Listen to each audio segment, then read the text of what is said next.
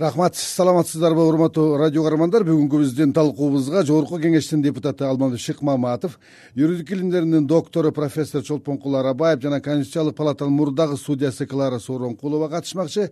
Чолпонкул агай менен клара айым биз менен телефондон бул талкууга кошулууга макулдук беришти баарыңыздарга рахмат.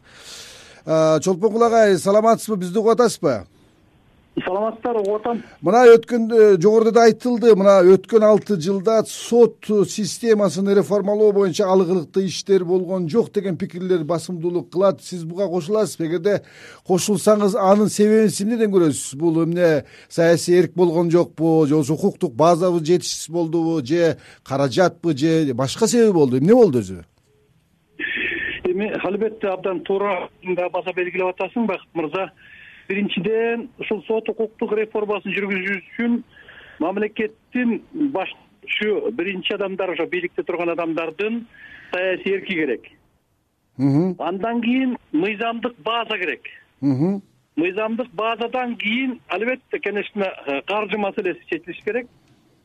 Андан кийин барып туруп анан э, реформаны акырындык менен анан ишке ашырса болот да муну айтып жаткан э, себебим э, ушул соңку жаңы тарыхыбыз башталгандан бери эле кыргызстанда сот укуктук реформасы деп эле кайталап эле келатабыз. Бирок алгылыктуу эл ыраазы болгондой иш бүгүнкүгө чейин э, жүрө элек мунун себеби биринчи кезекте айтпадымбы жана саясий укуктук эрк деп демек президенттерде башкача айтканда президенттерде саясий эрк жетишпей калды дейсизби? Саясий эрк жок. Буга чейинкисиндечи саясий эрк э, укуктук сот укуктук реформасы комплекстүү жүрүш керек да. Комплекстүү жүрбөсө болбойт ал. Жалгыз эле соттордон требовать эткенде болбойт. Бул кылмыштуулукка коррупцияга каршы күрөшүш үчүн комплекстүү жалпы эле мамлекеттик органдар ошонун ичинен укук коргоо органдары анан сот органдары комплекстүү болгондо. Башкача айтканда жанагы бул өзү машина сыяктуу төрт дөңгөлөктөн кыймылдаш керек да. Кылмышка кылмыштуулукка каршы күрөшүүчү баардык мамлекеттик органдарды реформалаш керек алло. Угуп атам дагы биз менен байланышта болуп туруңуз. Сизге суроолорубуз болот алмамбет мырза. Мына кыргызстандын э, жыйырма жети жылдык тарыхында баардык бийлик айткан биз реформа жасайбыз реформа жасайбыз деп бирок иш жүзүндө биз э, бүгүнкү күндү көрүп отурабыз. Мына бүгүнкү президент да бүгүнкү жогорку кеңеш дагы реформага даярбыз деп атышат да. Эгерде даяр болсо иштин эмнеден башташ керек? Деги эле реформанын маңызы эмне болуш керек сиздин оюңузда? Биринчи кезекте соттун коомго пайдасы кайсы? Эмне үчүн сот сот сот деп эле чырылдай беребиз? Анткени бакубаттуу эли бактылуу жашаган күчтүү укуктук мамлекетте көрсөткүчү мындай э, критерий. Бул сот адилеттүүлүгү бар мамлекетти айтат. Сот адилеттүүлүгү бар мамлекетте мыйзам темирдей иштейт тартип темирдей болот. Мыйзам кынтыксыз иштейт. Элдер өзүн эркин сезет. Элдер өзүн бактылуу сезет. Бизнесмендер өзүн эркин сезет. Кылмышкерлер болбойт. Болсо дагы жок эсе болот. Бийлик адилеттүү болот. Сот адилеттүүлүгү болгон жерде. Көрдүңүзбү? Баары келип сотко байланган да. Инвестиция сырттан келет. Сырттан миллиондор келет. Мамлекет гүлдөйт. Ошонун баардыгы келип сот адилеттүүлүгүнө келип такылып атат. Ал эми сот адилеттүүлүгү болбосо инвестициялар качат бизнесмендер качат бизнесмендер көмүскөгө кетет э, салыгын жашырат э, кылмышкерлер баш көтөрөт. Э, сот адилеттүүлүгү болбогон жерде коррупция эбегейсиз күчөйт. Айтор сот адилеттүүлүгү сот реформасы деген бул баягы центр мындай борбордо турган эң чоң бир нерсе да мына эми сот адилеттүүлүгүн ким иш жүзүнө ашырат. Аны бакыт сенден менден арабыздан чыккан эле өзүбүздүн жарандар. Аны казакстандан же россиядан же япониядан келбейт. Өзүбүздүн жарандардан. Анан ал кандай адам болуш керек? Ал биринчи кезекте кынтыксыз аброю бар. Жана тиги э, безупречный деп коет. Безупречность. Кынтыксыз аброю бар. Өзүнүн тарыхый таржымалында жакшы жүргөн мыкты юрист жан дүйнөсү таза адилеттүү ойлонгон жанагы э, э, мындай тандалып чыккан мыктылардын мыктысы ошол сот корпусун түзүш керек. Демек кантип эми демек түзөбүз? мен келатам да Э, ошого. э, кыска. Эми аларды түзүш керек. Ал түз э, түз э, түзүү вазыйпасы парламентте президентте баарыбызда турат э? Ошондордо ошон үчүн мына мыйзамдарда ошол четко жазылыш керек. Бул бири экинчиден соттор адилеттүү болуш үчүн сот үчүн эмне керек? Сот үчүн сен сот болсоң. Биринчи кезекте материалдык жактан сен көз каранды болбошуң керек. Германияда өнүккөн мамлекеттерде соттор жыйырма миң евродон айын алат.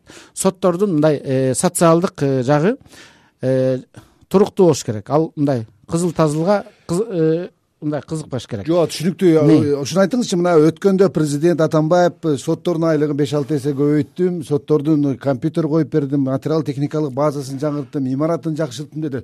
Ушул шарт э, коррупцияны азайта алдыбы андай болсо. жок. Мындай да бакыт эми эле арабаев чолпонбай байке айтпадыбы э чолпон Чолпон байке. Э, исаевич. Төрт дөңгөлөк депчи. Мен айтат элем төрт эмес сегиз дөңгөлөк керек анан атамбаев бир эле дөңгөлөгүн айтып коюп берки жети дөңгөлөгүн тешип коюп атпайбы анан ошол сот реформасы жүрөбү айлык акы бул бир эле дөңгөлөк. Ал эми профессионалдуу улугу ал экинчи дөңгөлөк. Эң негизги дөңгөлөктөрү бул көз карандысыздык анан жана дисциплинарный комиссия деп коет совет по отбору деп коет. Сегиз дөңгөлөк ошолор. Ошол жөнүндө сурайлы бизде клара айым менен байланышка чыга клара айым саламатсызбы биз анда байланышка чыкканга аракет кылабыз. Чолпонгул агай мына кыргызстан эгемендүүлүккө жетишкенден берки чечилбеген эң орчундуу маселелердин бири бул соттордун көз каранды эместикке жетише албагандыгы болуп келе атпайбы мына азыр деле ушундай акыбал бар деген бир мына негизги пикирлер бар да. Сиздин оюңузда бул маселенин өзөгү кайда? Канткенде биз сотторду көз каранды эместикке жетише алабыз. сотторду өзү эле башкарып койчу. Телефон чалып эле. Манас арабаев эми анда бүгүн эмне болуп атабыз анда? Канткенде жетише алабыз анда. Эми мен жана айтпадымбы? Саясий эрк деп саясий эрк биринчи кезекте ошол соттордун көз карандылыгы үчүн болгон эркти айтып атам мен. Ошого токтолуш керек да. Эч кандай ошон ичинен депутаттар дагы саясий чоң кызматты ээлеген адамдар дагы президент дагы өкмөт дагы соттордун ишине кийлигишпеш керек. Ушуну айтыш керек мынакей биз саясий эрк соттор мыйзамдын чегинде э, өзүлөрүнүн жоопкерчилигин колго алып туруп анан ушундай чечим чыгарыш керек деп. Биринчи ушул болуш керек андан сырткары материалдык база деп атпайбы эми биздин соттор дагы кудайга шүгүр деш керек эми. Салыштырмалуу өткөн мезгилдерге караганда бүгүнкү күндө кудайга шүгүр айлык алып атат. Материалдык базасы э, салыштырмалуу башка мамлекеттик органдарга салыштырмалуу бир тоголоң болуп калды. Эми кудайды карап таза бир жакшы укуктук жакшы чечимдерди кабыл алыш керек. Бул экинчиси анан үчүнчүсү жанагы сотторду тандоо кеңеши деп атпайбызбы? Ооба. Анан мынакей э, сотторду тандоо кеңешин тандаган биздин жогорку кеңеш соттордун өзү жарандык коом дагы бүгүнкү күндө татыктуунун татыктуусун тандап келиш керек да. Биринчи кезекте ошо тандоо кеңешинин мүчөлөрү анан тандоо кеңешинин мүчөлөрү мыкты тандалса анан алар келип туруп анан жогорку деңгээлдеги судьяларды тандайт да. Маселе ошол жакта болуп атпайбы. Биз жаңыдан эки миң онунчу жылы конституцияны жазып атканда бүгүнкү күндөгү текебаевдин конституциясында деген конституцияда концепция такыр башка болчу. Сотторду тандоо кеңеши боюнча. Кийинчерээк жогорку кеңеш башка жака буруп кетти. Муну дагы э, анан ошону менен өткөндө татыктуунун татыктуусу мыкты иштеп аткан айрым соттор бүгүнкү күндө сот бийлигинен четте судья болбой калды алардын ордуна жаңыдан кайрадан келди алар татыктуу судья болгонго чейин дагы убакыт керек да. Ошону менен бир топ нерсе өзгөрүп сотторго болгон кыргызстандагы мурунку ишеним андан беш бетер төмөндөп кетти деп айтсак болот. Рахмат э, алымбет мырза. Мына э, бүгүн бир жакшы жаңылык уктук. Сизге козголгон кылмыш ишинин алкагында сот иштеринин м, эмеле маселелери мына э, улуттук коопсуздук кызматынын аркылуу иш токтотулгандыгын кылмыштын эмеси составы курамы жок экендигине байланыштуу деп атат сиз муну таразалап көрдүңүз далай жолу соттук процесстерден өттүңүз. Мен маселеде бул жерде маселе эмнеде болуп атат? Бул тергөөдөбү соттобу же болбосо кайда бул же президенттин э, эмесиндеби бул президент атамбаевдин ушул э, конституцияны мыйзамдарды бузуп бийликти жеке бир колго мыкчап алганда өзүнүн журналисттин пресс секретарсын алып барып э, абдул сегизбаевди кгбга коюп койгонда. Жан сакчысын болот сүйүнбаев дагы орун басар кылып койгонда. Бул э, э, прокуратура жөнүндө түшүнүгү жок. Кагаз жазган баягы канцеляриядан деңгээли чыкпаган индира жолдубаеваны алып барып генералдык прокурор кылып коюп а фактически сотун дагы прокурорун дагы тергөөчүсүн дагы өзү башкарып аткандыгынын э, кесепети ушул болгон мен э, улуттук коопсуздук комитетинин тергөөчүлөрүн бул жерде курмандык деп эсептейм да. Ошол эле ишти козгогон тергөөчү кайра ошол эле тергөөчү кайра ишти жапты. Мен өзүнөн сурадым. Ал эми билимдүү бала фейсбугну бүтүп келген бала.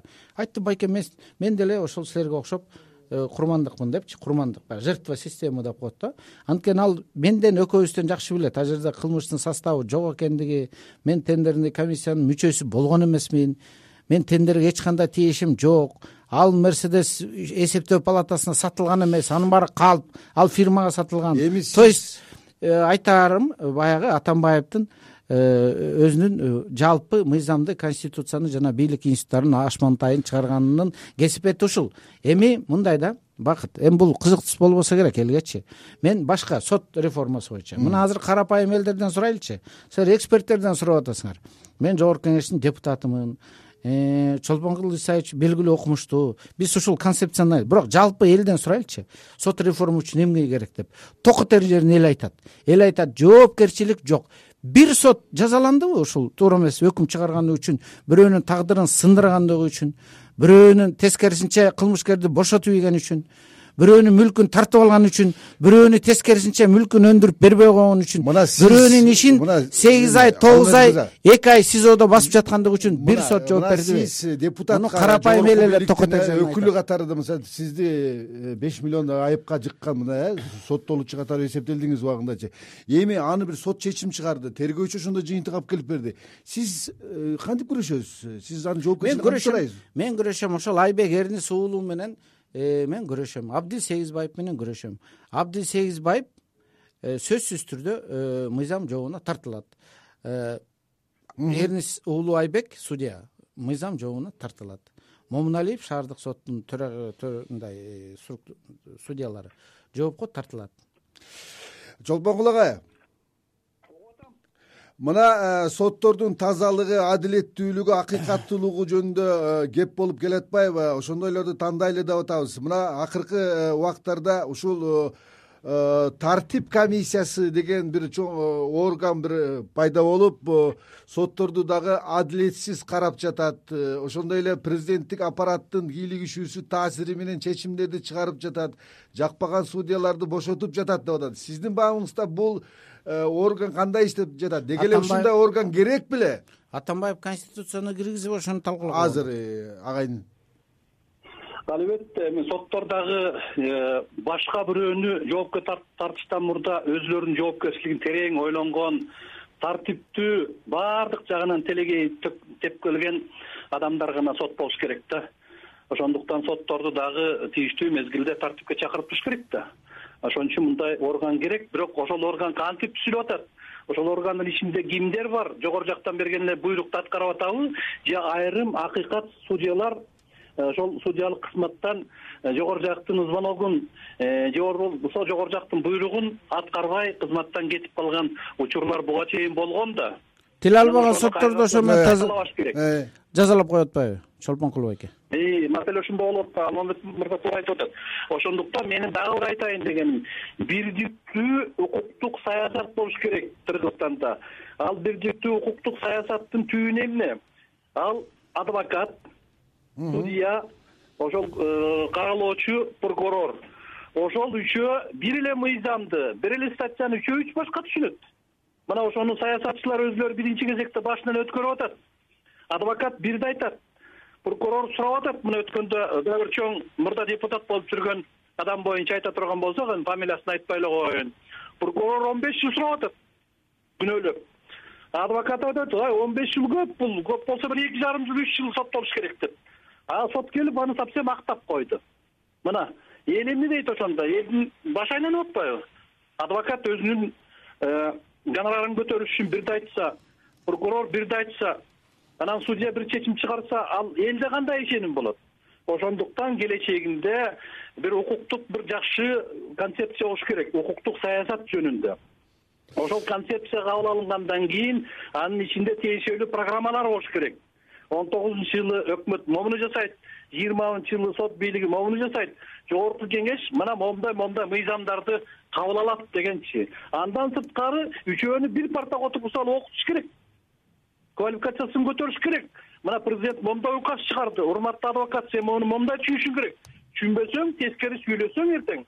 Сенин лицензияңды лишать этебиз. Урматтуу прокурор сен муну мындайынан кылсаң анда сени кызматтан алышка туура келет деген саясат болуш керек да. Бирдиктүү саясаттын жогунан биз актап атабыз бүгүнкү күндө. Рахмат дагы суроолорубуз болот. Алмамет мырза мына жогору жакта да айтылды. Мына жогору жактын звоногу менен чечимдер чыгып келгенде. Бул жогору жак дегенде биз ушул убакка чейин президенттик аппараттын э, сот чечимдерине таасири президенттик аппараттагы сотторго болгон кураторлордун таасири жөнүндө кеп кылганбыз да. Биз булардан кандай кутулабыз ушундай болуп атса кандай э, сот куратор деген түшүнүктүү такыр болбош керек. Э, соттордун эркин болушуна көз карандысыздык керек дейбиз. Көз карандысыздык десе э, ошонун тегерегинде да көп талаш болуп атат. Көз карандысыздык болсо алар тентек кылып кетет аларды көзөмөлдөп туруш керек. Көз карандысыздык деген бул жоопкерчиликтин жоктугу болуп эле соттор өзүм билем өтүгүмдү төргүлөн болуп кетип атат. Деп ал башкача түшүнүп атат. Көз карандысыздык деген сөз бул башка институттардан жогорку кеңештин жалдырабаш керек өкмөткө көз каранды болбош керек президентке кгбга прокуратурага. Бүгүнкү күнү мына эртең сотторду чакыргылачы. Эгерде ыймандай сырын айтса алар айтат биринчи кгбдан коркобуз дейт. Экинчи прокуратурадан коркобуз дейт. Үчүнчү дисциплинардык комиссиядан коркобуз дейт. Кадимкидей эле жанагы карышкырдан корккондой эле коркушат анткени дисциплинардык комиссия баткенге айдап ийет же жумуштан алып салат бир арызды уюштуруп туруп. Ал эми кгб миллион жолу бар жазага тартып коет. Прокуратура иш козгоп коет. Мына ошентип биз э, атамбаев негизи ошол атамбаев убагында аябай күчөдү да сот сотторду мен кээде боорум ооруйт сотторгочу. Сотторду прокуратуранын кгбнын астына чөгөлөтүп салды да.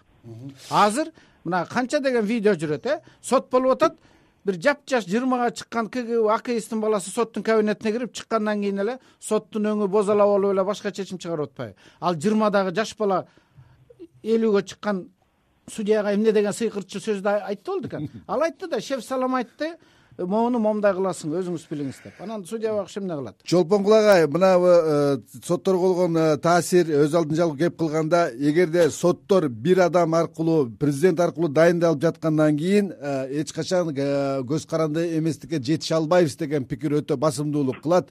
Ошондуктан сотторду эл аркылуу шайланганда гана алар көз каранды эмес болот дейт да. Сиз мындай пикирлерди бөлүшө аласызбы? Эми бүгүнкү күндөгү э, сотторду тандоонун принциби туура эле муну дагы биз дүйнөлүк практикадан алып келип анан конституцияга киргизип көп жолу муну э, изучать этип анан келген нерсе да анан ошондуктан муну э, элдик жалпы шайлоо дагы муну баштан өткөрбөдүк. Мына айыл өкмөттү жана башкаларды шайлап депутаттарды шайлоо мезгилинде ошол өзүбүздүн айылдан өзүбүздүн бала болсун анан тиги болсун бул болсун деп кыргыз элинде эми түрлүү шарттар бар да ошондуктан элдин шайлоосун дагы муну дагы жакшылап ойлонуп көрүш керек. Ал айтып эле анан эртеңки күнү маселен э, бишкек шаарында же токтогул районунда же ат башы жумгалда булар судья болсун десе дагы маселе башталат да бөлүнүп жарылууга алып келет. Ал оңой нерсе эмес. Анан өзүнүн айылына барып өзүнүн районуна өзүнүн областуна судья болгон адам кантип акыйкаттыкты урманчылык куда өкүл ата деген маселе башталат. Ошондуктан бул маселени терең ойлонуп көрүш керек да. Бүгүнкү тандоо кеңешти бүгүнкү тандоо кеңеш. Дүйнөлүк практикадан алынып келген бирок ошо тандоо кеңештин өзү кандай? Тандалып келди. Маселе ошондо туруп атат да. Анан дагы бир жолу кайталап коеюн абдан туура маселе козголуп атат соттор өздөрү акыйкат анан жана независимый болуш керек дегендин өзү не означает что там бирөөдүн жогору жактан келген чечимди аткара бер деп. Бүгүн болбосо эртең сөзсүз ошол судья мыйзамсыз чечим кабыл алынса сөзсүз жоопко тартылат. Ошону судья бирөөнүн сөзүн угуштан мурда. Ошону он жолу ойлоп көрүш керек. Эгерде ошондой чечим кабыл алынбаса анда ал кызматтан өзү эле арыз жазып кете бериш керек. Мен мындай э, силердин указка менен иштей албайм. Мыйзам минтип турса мен туура эмес чечим кабыл ала албайм деп ар бир судья терең ойлонуш керек. Ага жол бербеш керек. Бул биринчиси. Экинчиси мынакей соттор жөнүндө кандай ойлорду кандай пикирлерди айтып атат? Бир да судья бүгүнкү күндө публично унчукпайт акыркы он беш жылда он жылда ошого көнүп алышты да башын жанагы кумга каткан э, турнадай болуп эле унчукпай барып отурушат. А союздун мезгилинде ар бир судья чоң завод фабрикага барып жогорку окуу жайларга барып мектептерге барып ачык сот болчу мындай жолугушуулар болчу. Мына бул кылмыш момундай болот. Элдин баары коркчу коркпосо да сыйлачу да.